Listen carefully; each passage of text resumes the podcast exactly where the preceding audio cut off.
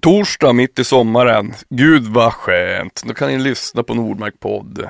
Som ni älskar att göra hela tiden konstant, dag ut och dag in. Eh, uh, denna torsdag så har jag uh, Anders Petersen här på besök i Nordmark podd. Han är en av våra största fotografer.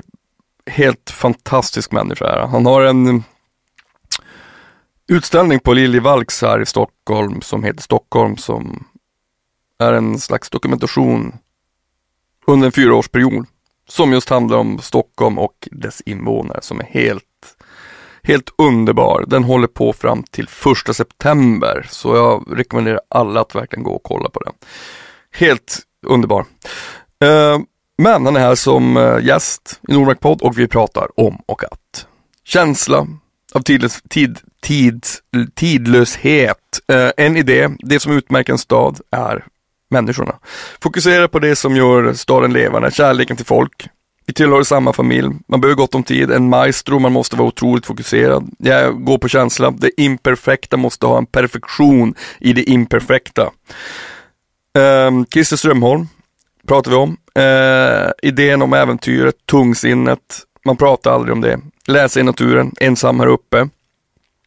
Uh, illa sjuk i sin kropp och i huvudet, antingen skriver jag in mig eller Ja, eller ändrade format och att få en eh, helt annan kontakt. Att vara rädd betyder inte att man är rädd för att vara rädd och att livet är kul är några få saker som jag och Anders pratar om. Stort tack till Norrlands Ljus alkoholfri, Ekologisk som är min huvudsponsor. Jag älskar er och Bonn Magazine som är min mediepartner är också helt fantastiska. Eh, följ mig på Instagram Nordmark podd och vill ni mig något så eh, eh, eh, mejla till info.nordmarkrecords.com. Jag svarar alltid. Vi kör!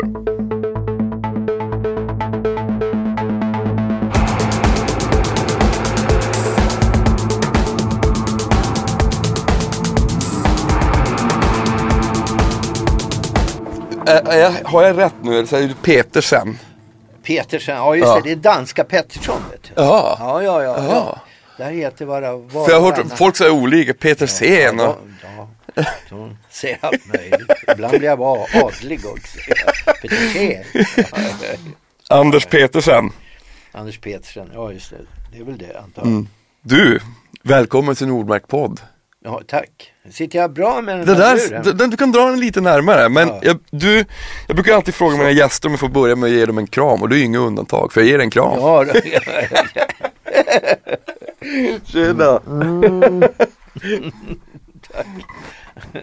Välkommen, vilken ära! Du, ja. jag, jag, var ju på, jag var nyligt och kollade på din utställning på Liljevalchs Stockholm Ja just det, just det. Vilken fantastisk, eh, jag, jag, tycker den var helt underbar, jag blev helt eh, Det är fint sagt Ja men jag, ah. den blev väldigt, den, den, eh, den, den, den drabbade mig hårt Alltså både liksom det är sällan jag, eller inte sällan jag känner någonting, men du vet ibland när man inte, liksom, jag visste ju såklart vem du var innan, men mm. jag, jag, jag, tänkte någonstans så här att Ja, hur, hur starkt kan det bli av att se någonting som är från en semstad, men det var ju exakt det det blev. Mm. Alltså en, eh, jag fick en känsla av tidlöshet som, som var otroligt starkt. För ibland tänkte jag så här, det här, är det här fotot jättegammalt, alltså är det taget för länge sedan? Mm. Men, eh, men det var det inte. Nej, det, jag har väl en gammal stil kanske. Ja, ja eller, men det var liksom inte, inte så att det kändes liksom retroaktivt på något sätt alls utan snarare tidlöst som att det kändes alltså, bokstavligen tidlöst. Mm. Mm, vad kul. Mm. Har du liksom någon, um, när du fotar, med, med, själva idén med den utställningen, vad är, fanns det någon liksom så här ja. idé att, att, fång, att ja, fånga fann... in tiden? Ja, det fanns en idé och det, det är det att, eh, att det som utmärker en stad kanske inte är så mycket gator och torg och stadssilhuetter, även om det, det kan vara väldigt fint det med. Mm. Men det har gjorts av så många. Det har gjorts av Gullers, Feininger på, på 1930-talet och Lennart af Petersens eh, Även Lennart Nilsson har varit där. Mm. Och många andra, Micke Berg också. Um, så då, då var, var valet enkelt. Alltså jag måste fokusera på det som jag tycker liksom gör staden levande och det är människorna. Det är människorna som är staden utan människorna skulle det inte vara någonting. Nej. Eh, Så det är människorna och i första hand så fokuserar jag på det. Sen så, så kommer ju staden med som bakgrund lite Mm. då och då. Mm. Ja, jag tror det i alla fall. Men vad, hur, hur, vad var det som fick efter liksom du har, du har ju en lång karriär bakom dig. Vad var det som gjorde att, ja du har ju fotat Stockholm förr, som i Gröna Lund och sådär. Men, Ja. men, och, men vad var det som fick dig just nu att känna att nu, nu, nu vill jag gestalta Stockholm? Nej, det, det bara öppnades en möjlighet va? Mm. och då tog jag den eh, mot bättre vetande. För det tog en väldigt lång tid. Mm. Du vet att Liljevalchs eh, Liljevalchs hade problem med, med en sak och det är det att de flöt ut i vattnet. Det var liksom lite dåligt förankrad i jorden för det var lite sandigt och sånt där. Och det förflyttar sig år efter år. Och det är ju hundra år gammal byggnad. Så de måste grundförstärka allting. Och då försköts utställningen. Och Jaha. försköts igen. Va? När, när, när, när började det? Ja, det började 2014. Ja. Ja, jag tror i februari Mm. eller något sånt där. Och då var det meningen att vi skulle vara, vi skulle vara klara 16. Mm. Ja, just det. Vi skulle vara klara 16, men det blev vi inte. Nej. Eftersom vi, det fanns ingen plats att ställa ut den på, då, var det, då byggde man om Mm. hela Liljevalchs. Men så är det. Ja, det, är anledningen. Allt, allt, allt har sin tid. Allt tar sin tid. Ja. Allting måste ta sin tid. Mm. Ja. Men vad, vad, hur känner du också med eh, med, det, med, det, med gestaltningen av stan, du säger att, liksom, att det är människorna också, men alltså Ja. med, med, med just tiden i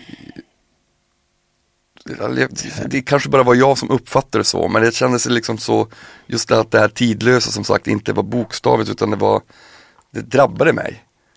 Alltså att på ett sätt som att jag tänkte så här, men det här, det här skulle kunna vara länge sedan, men det är ju nu och det är ju också det som är någonstans poängen. Att det är liksom ett, Ja. ja, det är just nu. Ja. ja, Ja, ja 99 procent av alla bilderna är just precis nu. mm. Mm. Eh, eh, Men vad var frågan egentligen? Jag vet inte, jag, ja, men jag tänkte så att, jo, alltså att när du själv, när du, när, du, när du gjorde utställningen, tänkte du då så att, har du, hade du ett visst, eh, det är det här jag ska kapsla in? Ja, det är så här med mig, vet du. Att jag, jag har en, en, en, gammal, en gammal kärlek. Och det är kärlek till folk. Va? Jag gillar folk. Och, och jag, jag bara fullföljer en linje från det som jag gjorde i Hamburg på ett ställe som heter Café Lemis. Och det var redan i oktober 67 fram till 70 som jag gjorde Lemis. Och det handlar om folk. Det handlar inte om stadssilhuetten eller gatorna eller det ekonomiska systemet eller det kapitalistiska systemet eller vad du nu vill. Va? Utan det handlar om folk, deras längtan, deras sårbarhet och, och deras eh, eh absoluta, kongeniala Alltså hu- hur de framställer sig själva eh, i de mest pressade situationerna man kan tänka sig. Hur generösa de är och hur sårbara de är samtidigt och hur eh, modiga de är. Eh, I, I första hand så är det en, en väldigt positiv plattform som jag har. Va? Och, det gäller, och det gäller hela tiden folk. Och så, det går som en röd tråd från det här Lemitz, va? som det hette, eh, till fram idag i Stockholm. Mm. Ja. Och Lemitz var din första sammanställd bok också? Nej, var det inte det, det var det inte. Det var Gröna Lund. Ja, Ja, jag försökte få den utgiven vet du, men det var ju stopp direkt. Nej, det var inget förlag som var intresserade. Jag gick till sju förlag och alla sa aldrig i livet. Så de, ja, fan, jag. Då så att jag tänkte jag ska, jag ska sluta fotografera. Så jag sökte in på filmskolan istället. Så kom jag in då, och jag gick där. Men eh, det var bättre att plåta tänkte jag. För att man är så många när man, på den tiden vet du, så hade man så mycket när man filmade. Va? Det var ljud och all- massor passare och sånt där. Och det var inte min grej, jag är mer solitär. Så jag gjorde Gröna Lund och 73 var det. Ja. Och sen så förstod jag att jag gillar nog mest att plåta. Mm. För det är en väldig skillnad. Va? Mm. Ehm, även om jag älskar film, Mm. absolut. Men det är en helt annan sak. Men har du liksom, det finns väl någon, jag kommer inte ihåg om det var Alltså de, just när när de kommer till filmen, det var Klaus Kinski eller någon som sa att Ja. skit att filma landskap. Det, det enda som säger någonting är en människas uttryck och ansikte. Att Det, Så Klaus Kinski det? Ja, det, Ja, går, går helt i, mot, stick i stäv mot han egentligen var som person, får jag en känsla av. Men, ja, eh, jag vet inte, jag vet inte, men han, han var ju väldigt duktig. Mm. Fantastisk eh, människa på många sätt. Och motsägelsefull också. Mm. Mm. Vilket gör honom till människa. Ja. Och det är lite grann faktiskt utav det som jag vill visa. Va? Jag vill visa just mo- motsägelsefullheten Mm. och mångfalden i Stockholm. Alltså huller om buller, olika människor från olika länder, olika språk, alla förorter. Du vet tre fjärdedelar utav alla människorna, de bor i förorten. Mm. Ja. Och resten bor väl på söder. Nej, alltså, resten är granne med dig. ja, resten är grann. Nej men det är väl det som är, alltså, jag läste någonstans att du sa att det, det, det är också en, en kärna i det, att, att visa att vi är exakt likadana. Ja. Någonstans också. Ja, visst, visst. Men, men jag tyckte liksom att ehm, det, här, det här med, med, med att fota människor, att, att, att när man känner igen sig i någonting. För jag antar också att vissa saker, det är så svårt ibland att förklara hur man känner när man ser ett foto. För man vet inte vad man, man bara jag stod, jag kom, alltså jag var, ett foto jag stod bara och stirrade på hur länge som helst och tänkte så här, jag var där med en jättegod vän. Han bara, det här, är, det, här, är- det här är det sjukaste jag sett. För det var så, det var så, det var bara liksom blicken i henne, hennes blick Ja. som var hela grejen. Och sen såklart också hur, vad, det som är fotot. Alltså Ja. man ser ju att det finns en skicklighet bakom det men känner du själv ibland så här att dina, e- din egen legacy eller det du kan är ju också det som gör att man känner det här. Förstår du? Att det finns en teknik också. Någonstans så, jag menar, Jo, det, ja, en, en typ av teknik finns det ju. Mm. Men den är långt ifrån 100 procent oss emellan. Mm. Det, är, det är den verkligen inte. Jag är usel på teknik alltså. Och det är därför jag har en, en liten amatörkamera. Va? Mm. Som är verkligen dålig. Va? Ja, men den, den, den retar upp mig till vansinne men ändå lämnar jag den inte. Jag har haft den i 21 år. Va? Det, det är förfärligt egentligen när man tänker på det. Nej men alltså, det är ju inte så mycket tekniken som styr utan det är just den här grejen att man kommer nära, att man är på avstånd. Vet du. Att men man jag menar det kan väl också vara en del av tekniken. Alltså vet att, Ja, det är en del av Ja. tekniken. Ja. Ja, just det. Men det låter lite hårt och kantigt när man säger att det är en del av tekniken att komma nära. Men, men på ett sätt så är det det. Men jag skulle vilja säga att det som verkligen inte är teknik, det är det är det i det man hamnar när man liksom bestämmer sig för att fotografi eh, som är taget i buskarna med en eh, teleobjektiv är liksom inte den grejen man har lust att syssla med. Va? Nej. Utan jag vill ju, alltså anledningen till att jag vill plåta det är ju att jag vill känna människorna, alltså jag vill lära känna dem. Jag vill, jag vill eh, ja, bli, bli mer, eh, vad heter det? Ja, lära mig helt enkelt mer om saker. Alltså. Och, och det lustiga är, när man lär känna andra människor så lär man också känna sig själv. På gott och ont. Mm. Ja, men man, absolut. Va? För så jävla olika är vi inte. Nej. Vi är rätt så lika. Va? Och det kommer man fram till. Mm. Att det inte liksom handlar om ytan. Nej. Det handlar inte om man är generalkapten eller eh, en, en prinsessa eller en hemlös. Va? Det handlar inte om det. Utan det handlar om att vi tillhör samma familj. Va? Att det är det. Ja, Alltså, om man har den där primitiva jävla nivån va, på allting. Då blir allting mycket enklare. Och det är många dörrar som öppnas också. Men det, det, det är ju, och i dessa tider, kanske i alla tider, så, Ja. så önskar man ju att, att folk hade den inställningen om, om vilka vi är, att vi är exakt likadana.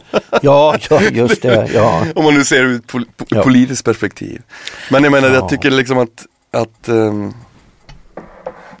att, känner du så här när du sa att jag vill lära mig folk, för det, det är ju också det som jag tänker när jag ser dina bilder så här, hur, hur har du lyckats komma så nära ibland? Alltså att det känns så, känns så otroligt privat. Ja, men alltså eh, det, det är ju inte så mycket min skuld utan det är, det är allas vår skuld mm. att man kommer nära. Jag menar, människor söker sig till mig också. Det är inte bara jag som söker, sig, söker mig till dem. Nej. Utan det är mm, ömsesidigt tror jag. Eh, men i första hand så är det ju jag va, som ska i slutändan försöka få någonting på print. Mm. Försöka få in någonting i negativet som, mm. som jag kan visa upp och, och ge tillbaks. Va? Mm. Ja. Nej men du vet, jag träffar ju folk, jag träffar ju folk på gatorna, på torgen, på middagar, um, på barer och, och, eh, och på fester sådär i största allmänhet. Um, och sen så bestämmer vi ett möte där jag kan plåta, eller så plåtar jag där redan, mm. för jag har kameran med mig. Va? Mm. Mm. Och, och, sen så, så träffas vi på något ställe, vi tar en kopp kaffe eller något sånt där och jag plåtar och sen så kan det hända att vi går hem till någon. Mm. jag stannar över natten, jag fotograferar under tiden, mm. äter frukost. Va? Mm. Och så, så att ett porträtt va, kan ta allt ifrån en 25, en trettiondel sekund till en, ett och ett halvt dygn. Mm. Eh, med, det, med det sättet. Så mm. vad man behöver, det är gott om tid. Ja, gott om tid. Men ja. känner, alltså det, det, är ju det är så intressant. För, men känner du då ibland så här, men Alltså jag antar att det är samma sak som om man gör en låt eller någonting. Att man, men okej nu, ja. nej, jag är inte klar än. Jag har inte den där, jag känner att jag inte har fått den där bilden än. Ja. Och till slut så känner man bara att ja, men nu, nu, nu sitter den. Ja. Är det så? Nej, jag, jag skulle önska att jag kunde hålla med dig. För, för mig alltså, ah, fan. Ah, det, det hedrar dig att, att det händer för dig alltså. Det är underbart. Men för mig så, ah, det är sällan. Alltså. Det är sällan, sällan. Alltså. Det är en, en på hundra rullar kanske jag mm. känner det. Nej, Nej det, är, det är faktiskt, det beror på, det beror på så jävla mycket i efterarbetet vet du om det blir någonting också. Mm. Därför det beror på hur man framkallar. Förra sommaren till exempel som var väldigt varm, mm. ja, då gick ju framkallaren upp alltså i temperatur. Mm. Den ska ligga på 20 grader sådär. och, och då jag försökte då kyla ner den till 18 grader när jag började, då vet jag att när jag slutade då är det 21 grader. Mm. Men det visade sig vara för lite så en del blev väldigt tunna. Negativa alltså. Ja, nej, sådär. Det är ett jiddrande fram och tillbaks. Och sen det värsta, va? jag är ju analog, va? så jag är mm. inte digital. Va? Mm. Och så ska ju de här taskiga negativen som man då har gjort och framkallat, så ska de, vad heter det, skannas. Mm. Då har jag en jävla fin snubbe, Mikael, va? han gör det. Han skannar och han är skitbra på det. Va? Så då kommer det olika typer av belysningar på mina negativ så en del ser riktigt hyggliga ut. Ja, och sen så har jag en annan kille är han som en maestro. Mm. Ja, vi har hållit på, vet du, ja, vi har hållit på i fem böckers tid. Jaha, okay. Ja, i sex år eller fem mm. år alltså, har vi hållit på och lurat med olika mm. böcker. Mm. Och då sitter jag bakom och skriker och han sitter och gör grovjobbet och jobbar. Jag säger, skriker, du vet, det är riktigt så här. Fyra Lägre, men mer ljus, mindre ljus, ljusare, mörkare och sådär. Men, men, men, men, har du, just det här med att du också bara fotar analogt, ja. känns, alltså jag älskar ju det, för jag får ju en känsla också att det, det finns någonting mer eh, att man har satsat någonting mer. Alltså liksom, det, det, det är inget, underbart med att teknologin går framåt och att, att, det, att det finns möjligheter till diverse olika tekniker. Men hur, hur ställer, det, ställer du dig det till Jag ställer mig väldigt positiv till det. Alltså, jag tycker precis som du, underbart att det finns möjligheter och att det går fort och, eh, och att det blir faktiskt riktigt bra resultat idag. Alltså den digitala fotografin. Och digitaliseringen har hittat nya metoder att efterlikna den analoga fotografin. Och då är den riktigt, riktigt sublim. Mm. Men vad, vad, vad, vad, vad har fått dig att inte gå över till den? Liksom? Ja, det är ren lathet.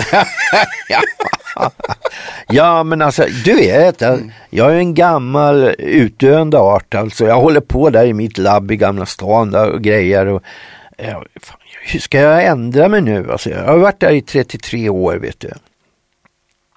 I den där, eh, det är en sån här eh, kol och, eh, kol och vedkällare Mm. Faktiskt. Eh, och jag har ju inrett allting. Alltså, sådär. Å andra sidan är jag där mindre och mindre nu. Därför att man måste liksom ha en, en, någon, man måste ha det igång. Va? Du vet. Och det är framförallt ens egna känsligheter som försvinner efter ett tag om man inte uppehåller dem. Ja. Alltså, och, så tar det en vecka innan man kommer dit igen. Va? Man har det någonstans men mm, det tar sin tid. Det tar sin tid. Så nu, jag, nu är jag bara nere i labbet i mörkrummet och, om jag får en beställning sådär. eh, Om nå, någon, någon människa som jag gillar på något sätt. Men jag tycker det verkar ju vara en så det är ju en sån spänn, verkar vara så spännande. Ja, den, Vad, vad, vad? att vara i mörkrummet. Ja, det är- det är spännande. Oh shit, vad, Ja. vad blev det här? Ja just det. Det är det här magiskt. någonting. Och ibland man Ja. bara, nej helvete, fan. Det, ja. Ja men du har rätt. det är det jag menar, att det finns en spänning i det också. Liksom. Ja, ja det, det är riktigt. Jag håller med. Jag håller med. Ja, det, det stämmer. Och det var ju det som en gång gjorde att man fastnade för det här. Mm. För att det var så, man måste vara, måste vara så otroligt fokuserad, Mm. alltså meditativ alltså.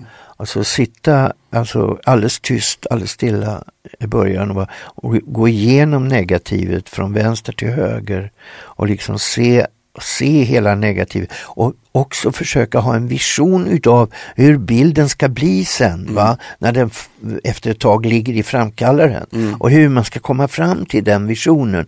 Va? Då, då är, är det många som har allting på ett papper bredvid så skriver man upp, alltså vänster och höger, alltså hur många sekunder. Va? Sådär. Men jag gör inte så. Va? Men, men, men det är många som gör det. Vad du gör, och du går bara på känsla där? Jag går på känslan, Ja. ja. just det. Därför kostar det väldigt mycket. Därför jag går, det har misslyckats oavbrutet. Vet. Det här är förfärligt. Ja, ja. Det är verkligen förfärligt. Ja, så att det... Nej. Men vad tror du, alltså om man, om man kommer till, när du sa så här, jag är verkligen inte perfekt och jag är inte en tekniker på det sättet, men inom musik och konst som jag själv Mm. älskar, så är det ju det operfekta som gör, som jag alltid dras till. Ja, men det är ju så också. Mm. Ja, det är ju så också. Ja, det, det, perfekt, det samtidigt perfekta måste- är helt men- ointressant. Men, ja, men det im, imperfekta, jag gillar det, det ordet, det Mm. imperfekta, det som inte är perfekt. Det imperfekta måste ha en perfektionism i det imperfekta. Mm. Alltså det måste ändå eh, vara på något vis någonstans, i alla fall efter så pass många år i branschen, ha en, en, en vad ska jag säga, ett anslag va, som följer en vision, en idé som man har. Mm. Så, mm, det, det är jätteviktigt alltså. Även om man tycker om att det är lite sådär skräpigt. Mm. Ja, Ja men det måste, alltså, det, måste, det måste finnas fog för det imperfekta. Ja, det, Alltså, måste, det, det måste finnas Ja. det, det får inte vara för sakens skull. Nej. För nu finns det en attityd, en trend, ett mode va, i fotografin som är väldigt trashig. Mm. Eh, långt i alla länder, i Japan, Mm. i Kina också eh, och i hela västerlandet. Ja, finns det. En del är väldigt bra, Mm. andra är mindre bra. Mm. Men det är alltid så. Tja, hur är läget? Alltså jag har panik, alltså hör du hur min röst låter? Jag vet inte fan vad som hänt. Jag ska ju ha en massa gäster alltså, vad fan ska jag göra? Ta det lugnt nu. Ta en, eh, testa ta en, en eh, Norrlands ljus. Alkoholfri ekologisk. Jävligt bra på alla plan. Gott och ja, testa bara. Kör. Okej. Kör.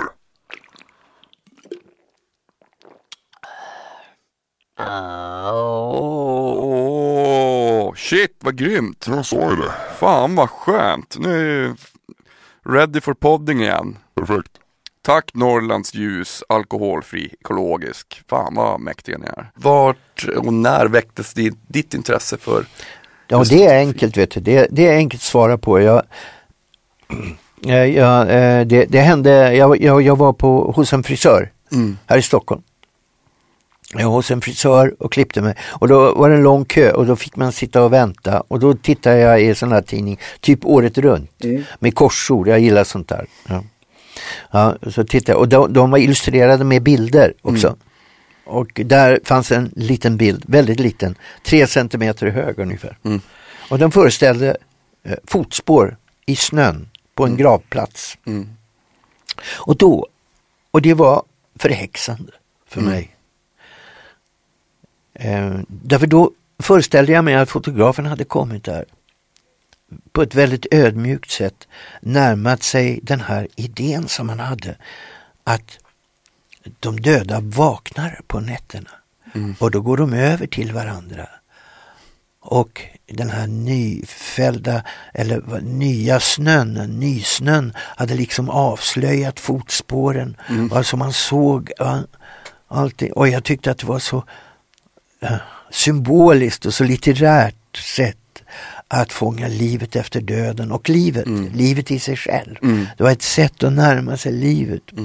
Och, jag, och den förföljde mig den här bilden. Jag hade ingen aning om vem, vem som hade tagit bilden, för det står ju inte i korsorden. Det, det är ju bara så här illustrationer. Och så efter ett tag så lärde jag mig att det var Christer Strömholm som hade tagit bilden. Och då tänkte jag, ja, men då, det är läge att börja på den skolan. Alltså, så började jag på den skolan. Ja, ja, ja, ja. Men och hur, alltså, hur, hur blev er relation, alltså du, du, din och Christer Strömholms relation? Ja, först, ja, den blev bra. Därför, den blev väldigt bra, den blev bättre än bra. Mm.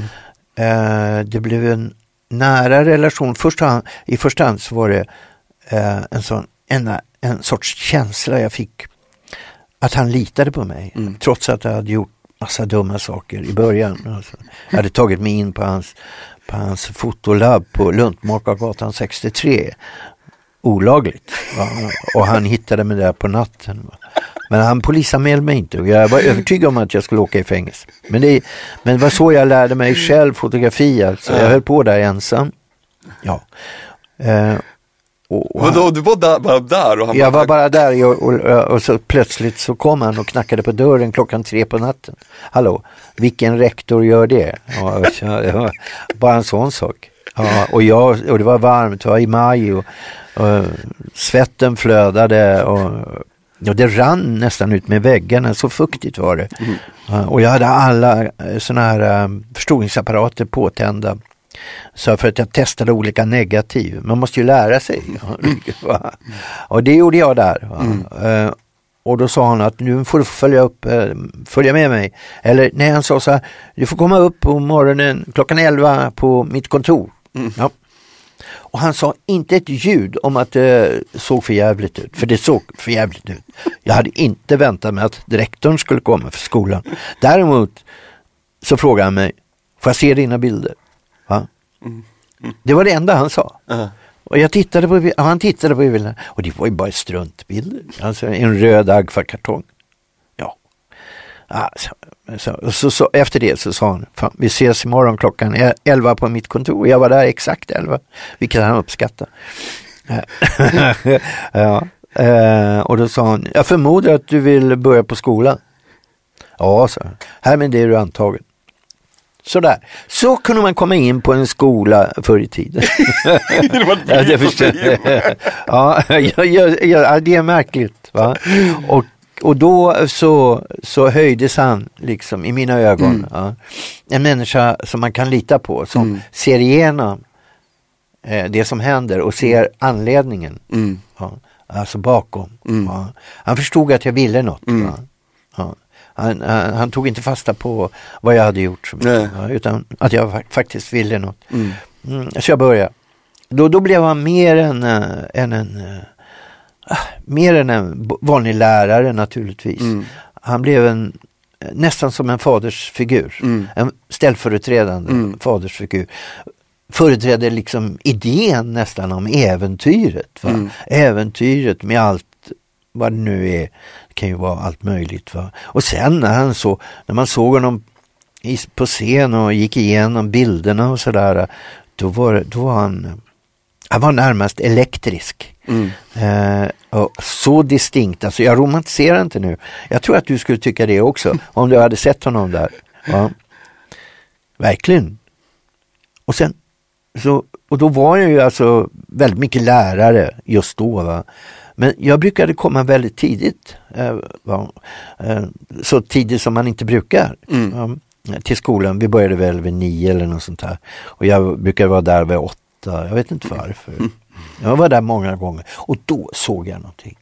Då såg jag att allt det som han hade berättat om vad han hade varit med om. Mm.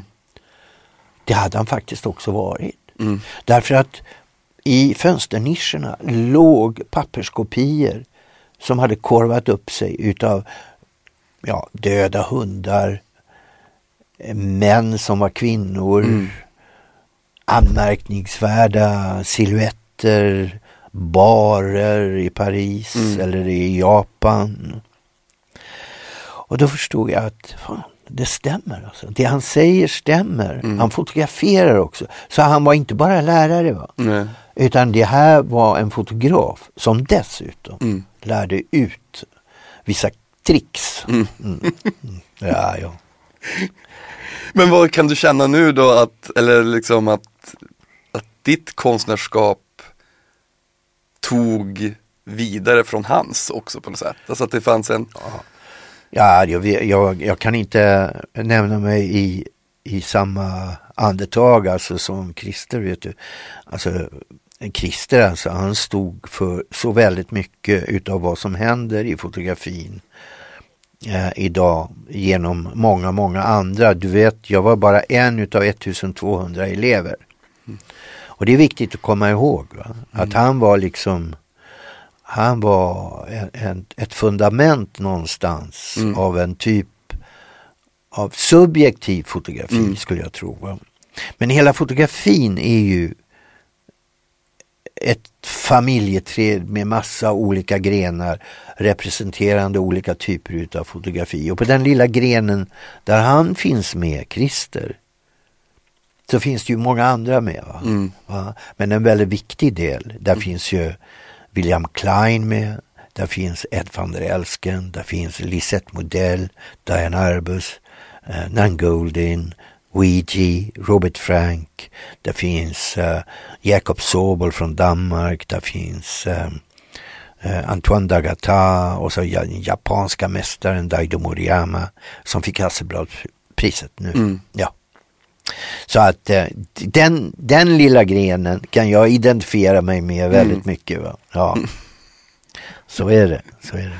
Men du, när, när jag tänkte också på, du, du fick ju också med ett foto på eh, Tom Waits omslag. Ja, ja, just det.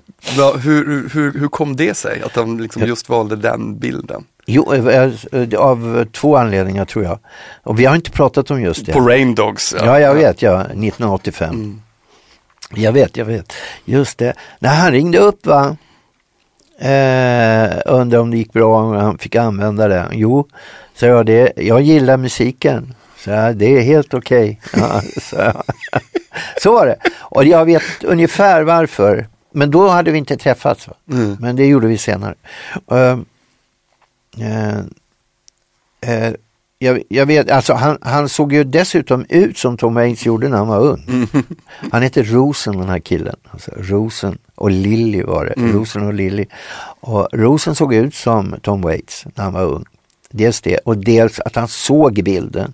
Det var eh, antingen på en utställning i Toronto som jag hade med Lemitz eller så hade han fått syn på boken. Mm. Mm. Att det var kanske någon som trodde att det var Tom Waits. Ja, just det. Du vet, ja det kan det vara. Han trodde själv, bara, är det Kan det ha varit jag ja, ja, ja. ja, Men jag tänkte också tillbaka till det här som du sa att, att ehm, ditt foto är ett sätt att eh, kanske förstå andra människor men också att förstå dig själv. absolut. Finns det en... eh,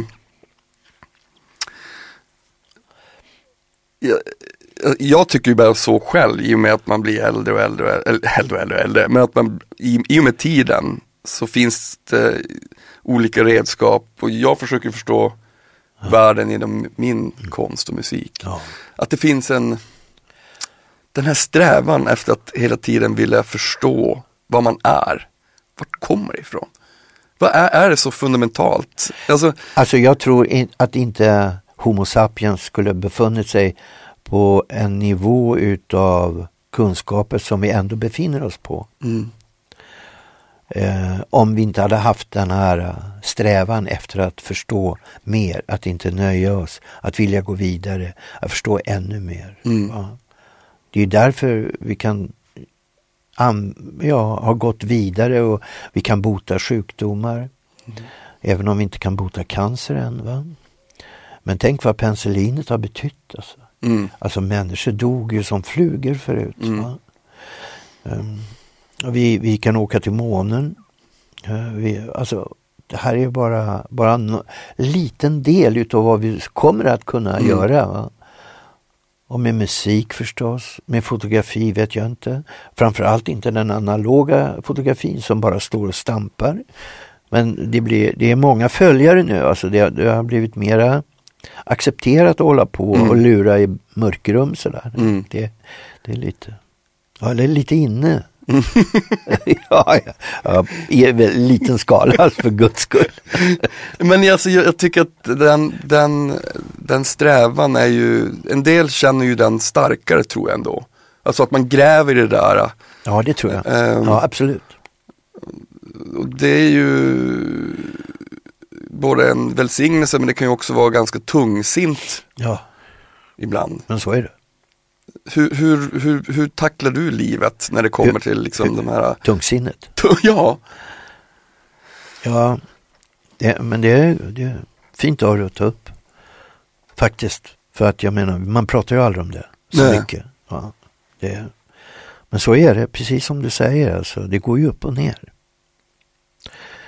Eh, Och när, när det är som svartast, då är man inte mycket värd.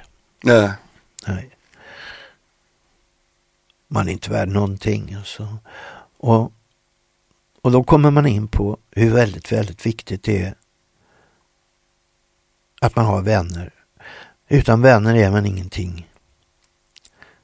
Utan människor som man tycker om och känner gemenskap med är man in, ingenting. Alltså. Man, man är bara, man är bara, man är, nej man är ingenting. nej, Nej. Och det har betytt mycket för mig. Att jag har vänner. Alltså. Mm. Men när man är sådär i ett svart mörker och allting känns hopplöst.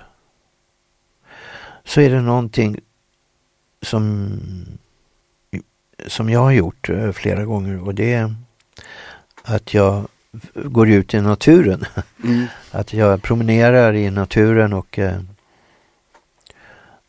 läser i naturen. Jag sitter och läser. Har jag gjort. jag, jag, jag, pratade faktiskt med Ja. en, en jättenära vän om det där, att det finns en, det finns en fara nu att vi har avskärmat oss mycket från naturen tror jag. Ja. Jag, jag, jag brukar ibland bara, jag, jag glömmer bort, jag är ju här hela tiden. ja. Och så sen, men nu, jag måste, jag måste känna lukten av ett träd. Så brukar ja. jag gå ner till Hagaparken och gå omkring i, det finns lite mindre stigar där i skogen. Ja, ja, ja, där Och finns det, och det hjälper också. Ja, det gör, det gör det. Ja, Hagaparken är fin. Mm, jätte, ja, den är superfin. Mm. Men just, men även det där att um, um, Nej, men, ja, jag, jag, jag, men det, det, all, det allra bästa sättet det är ju att, att råda bot på den där ensamheten och den där eh, ja, tomheten. Det är, det är att eh, söka upp vänner alltså. mm. Och göra saker. Mm. Ja, bara. Men kan du känna ibland då, alltså det, så känner jag själv många gånger för jag är ganska upp och ner. Men, men eh, och jag har helt underbara vänner. Men här uppe är man ju själv. Ja, man är ju där, eh, just det. Men I det här är det tomrummet Ja. ibland som man är. Ja, Och, och det kan vara smärtsamt. Jag, jag vet att, all, att andra också har de här känslorna. visst är Men- det så. Men det, det, är, det är det svåraste tycker jag. ja, ja, absolut. Och då, jag vet, jag, jag, jag kommer ihåg en gång va. Eh, Och det var när jag gjorde den här psykiatriska institutionen, Mm. ESPS hette den på 90-talet, eh, mellan 93 och 95. Eh, Så åkte jag runt till människor och visade bilder. Åkte runt till föräldrar till de som var intagna. Och visade bilder för att få ett godkännande också. Mm. Efter det, det här varade i flera veckor som jag gjorde det. Efter det så, eh, så, så gick jag in i väggen alltså, helt Mm. enkelt. Därför jag har aldrig träffat på en sådan vanmakt och en sådan ja, en sådan negativ inställning till, till vad, vad livet är, till vad man bör vara och tyvärr inte alla gånger är. Eh, Att det fortfarande finns sådana förhärskande tankar om hur illa det är att vara på någonting som man kallar det för mentalsjukhus. Eh, eh, Alltså att mental sjukdom inte alls på något sätt har samma status i Mm. våra liv som en vanlig jag menar, hjärtåkomma eller något Ja. sånt där som är närmast heroisk Mm. jämfört med att vara illa sjuk Mm. eh, i sin kropp och i huvudet Mm. och, och så. Ja, jag gick in i väggen och, och där stannade jag i, i tre månader och då har man alltså utan att kunna göra någonting. Jag satt bara och stirrade i princip. Mm. Och då har, man, då har man två saker man kan göra, tänkte jag. Så här lite töntigt faktiskt. Men jag tänkte så. Antingen så eh, skriver jag in mig någonstans. Eller så tar jag tag i det och jobbar. Och jag valde det senare. Så jag utrustade mig med en ny kamera. Jag köpte en ny, en, en gammal, en gammal 6 Köpte jag, jag ändrade format. Mm. Och så åkte jag dit ut. Och, eh, och fick en helt annan kontakt Mm. plötsligt. Därför jag var där på kvällarna. Och jag fick tillåtelse att vara där lite under nätterna. Mm. Och det ändrade hela situationen. Och då kom, och då kom en ny känsla utav att vi hör ihop. Mm. Att det här går bra. Att det här kan funka. Och jag hade mina första utställningar där. Mm. Mm. På rummen. Va? Mhm. Mm. Och i korridoren hade jag det också. Mm. Och, eh, och det var fint. Mm. Det var fint. Ja. Så jag arbetade väldigt hårt då. Mm. Ja, och, det, och det hjälpte alltså. Mm. Och jag vet inte om, jag, om det är det bästa va. För att eh, om man, om man är riktigt, riktigt dålig måste man söka hjälp. Mm. Ja, absolut. Ja. Men ibland så kan man råka in i sådana här svackor. Mm. Ja. Ja men det är väl, jag tänker att det- den här svackan är det, det, det, det drabbar en förr eller senare och när det gör det så drabbar det en fruktansvärt för hårt. Jag, Ja, ja, jag, ja. också, verk- jag också, gick också in i väggen i form av jättegrav panik och dödsångest som var ett år. Eh, Men, men ehm, och lyckades med hjälp Ja. ta, mig ur eh, kognitiv terapi men också, och, och när jag lyckades ta mig ur det eh, Ja.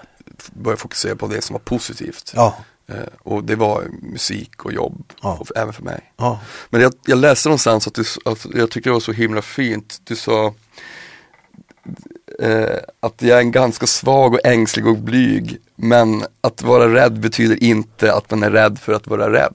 Just det, det stämmer. ja. Det tycker jag är så, så himla fint sagt. Det, det finns en ödmjukhet i det. Ja, det är självupplevt Mm. också. Nej, man, alltså alla är ju rädda. Mm. Vi är alla rädda. Va? Men man behöver inte vara så rädd för att vara rädd. Va? Utan det är helt okej att man är rädd. Mm.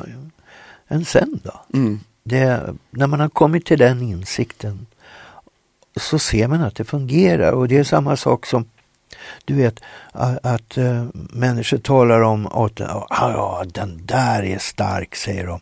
Han är stark eller hon är stark. Hon är tillräckligt stark, säger man. Mm. Och jag säger, men det handlar inte om det. Nej. Utan det handlar om att vara tillräckligt svag. Mm. Ja. Tillräckligt svag alltså, för att öppna upp. Mm. Öppna upp äh, känslor och mm. människor, en själv mm. också. Ja. Men ty, ty, alltså, har du genom ditt liv känt så här, för, för det tycker jag är någon slags ger någon slags trygghet. Att det finns, att när man märker att saker och ting inte är konstant. Jag, jag, har också, jag har också tur som, har, som, som kan göra det här. Ja. Eh, ja, det och, och, och, och, det är jag väldigt ödmjuk inför. Mm. Att, att, att jag, jag, kan ha råd att ha det, den kontemplativa delen i livet. Ja. Eh, men att, man blir, att det finns en ödmjukhet en, en, och en trygghet i att veta att eh, saker och ting är inte konstant. Att man lär sig he hela, ja. hela tiden ja. om livet. Ja, stämmer. Det håller jag med om. Hela tiden. Ja. Och, man ska, och, det, och det upptäcker man, ju äldre man blir så upptäcker man att man faktiskt vet mindre och mindre. Va? Du vet, alltså det, det men eh, när man var i 20-årsåldern visste man ju allting. det var ju bara självklart allt. Ja, det, man vet verkligen lite och man, man, man, man, man har en möjlighet att lära sig så mycket, mycket mer. Ja men så är det och det är, ju, det är ju det som är så fantastiskt. Ja. Mm. Men du Anders, vad, eh, vad står på tur härnäst? Vad kommer nästa jobb innefatta? Jag håller på med två små böcker. Mm. Den ena är City Diary och det är ett så här ongoing projekt. Mm. det är bara sådana kort som jag tar lite då och då, lite huller om buller i olika städer och eh, även på landet faktiskt, så kallar jag det City Diary. Mm. Eh, jag har gett ut tre delar redan på Steidel förlag mm. i Göttingen i Tyskland. Eh, och nu ska en fjärde del, jag ska sy ihop den den här veckan hade jag mm. tänkt. Mm. Eh, och det blev ja, du vet, den är en A4 stor bara, en sån här liten grej. Men eh, där sätter jag ihop bilder och där är också kom, kombinationerna väldigt avgörande hur det ska funka. Och vad jag försöker säga med det är bara det att livet är kul. Mm. Ja, titta själv. Mm. Ja. ja men där, livet är ju också fantastiskt. Trots, ja, trots de här mör, mörka stunderna. Ja, men, de, men de behövs, de, de också. Ja, ja, det de, är också. En, de, är en, de är en del av det. Ja, du Anders Petersen. Ja. Eh, stort tack för att du ville vara med i Nordmark-podden. Ja, tack själv. Var... Nu ska du få en till kram. ja, ja, ja, okej. Så fantastiskt. Vad fin du är. Ja. Du är fin Anders, helt fantastisk. Stort, stort tack till dig Anders Petersen. Nästa torsdag är det ett nytt avsnitt igen. Vi hörs då. Hej då!